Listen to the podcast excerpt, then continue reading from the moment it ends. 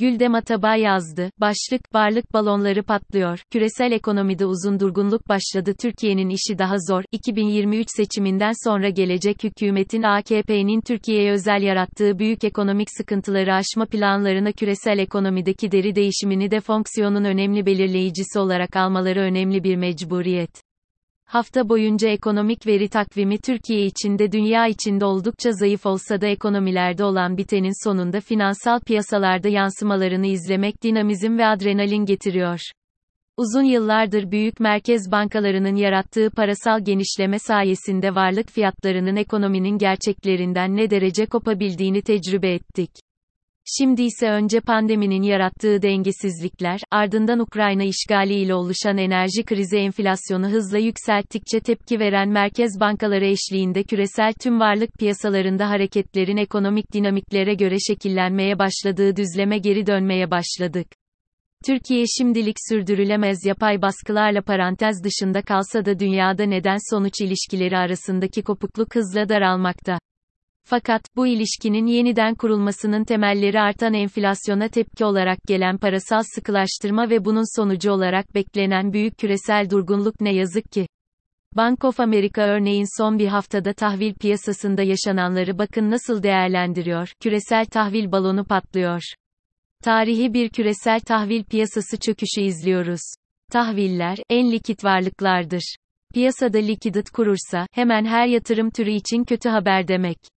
Sadece ABD piyasalarında yatırımcıların durgunluk beklentisiyle sene başından bu yana gerileyen piyasalarda kaybı 9 trilyon doları aştı bile. Yükselen enflasyona ABD Merkez Bankası Fed'in kimsenin gözünün yaşına bakmadan faiz artırarak ve gerektiğince yüksek tutarak müdahale edeceğini anlayan tahvil piyasalarındaki satış son 3 ayda kitaplara geçecek cinsten.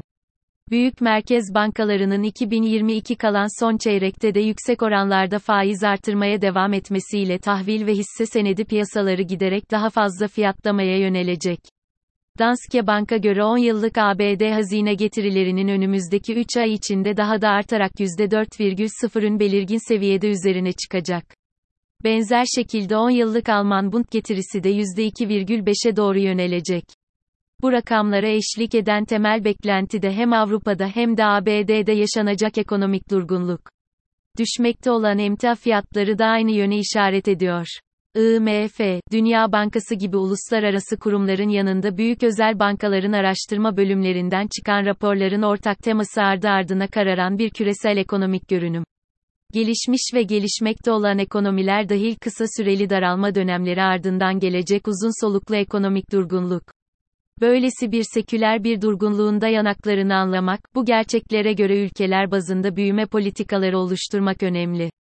Bu hafta yayımlanan OECD Ekonomik Görünüm Raporu, Türkiye basınında AKP'nin hormonlayarak şişirdiği Türkiye'nin ekonomik büyümesinde beklentinin 2022 için yapılan yukarı yönlü güncellemesiyle ön plana çıktı.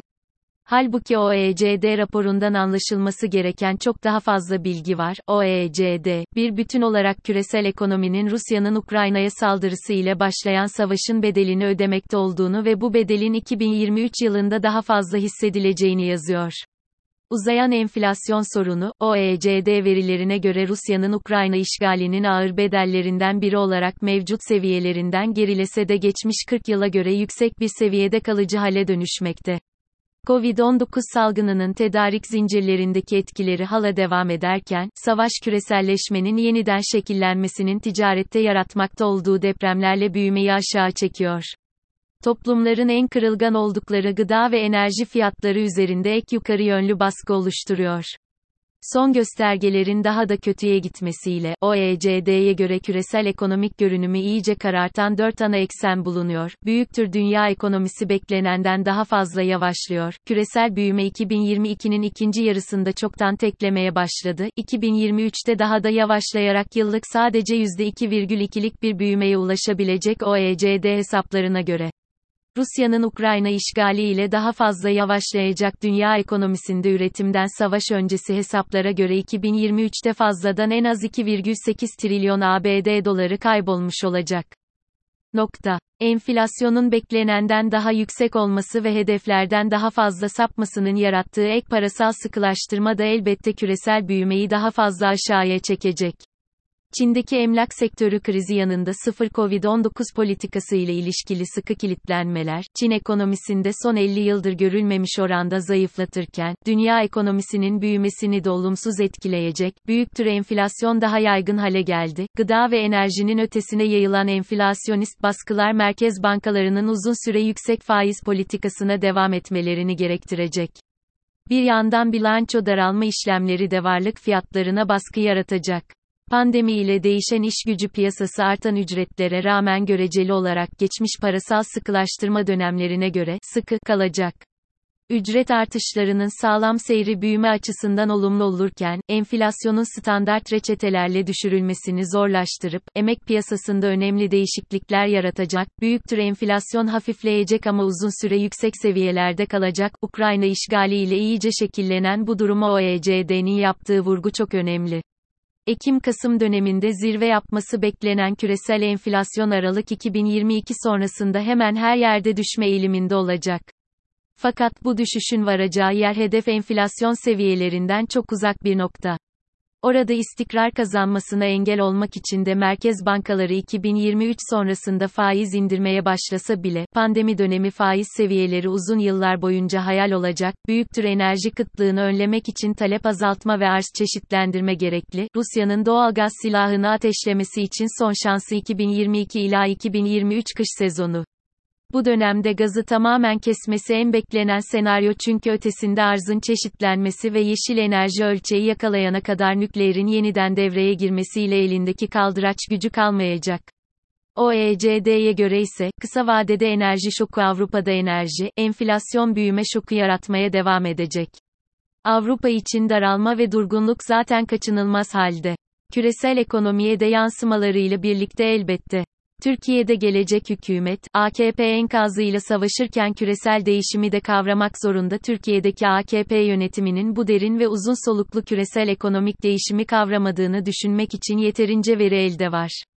En tepeden gelen açıklamaya göre dünya merkez bankaları çoktan yüksek enflasyonla Erdoğan'ın icadı ve iddiası düşük faizle savaşmak için pozisyon almaya başlamış durumda. Bu açıklamanın gerçeklerle ilgisi olmadığını yazının başından buraya kadar okuyanlar zaten çoktan ve hızla kavramış olmalı. Küresel ekonomide yaşanmaya başlanan değişim şimdilik büyük bir finansal kriz yaratmadı. Hemen 2023'te de böyle bir beklenti yok. Fakat anlaşılması gereken finansal kriz olmasa da, değişen zeminin, sıkılaşan finansal şartların ülkeler ve şirketleri için durgunluk yaratma dalgaları yaymaya uzun yıllar devam edeceği. Türkiye özeline gelince, 2023 seçiminden sonra gelecek hükümetin AKP'nin Türkiye'ye özel yarattığı büyük ekonomik sıkıntıları aşma planlarına küresel ekonomideki deri değişimini de fonksiyonun önemli belirleyicisi olarak almaları önemli bir mecburiyet.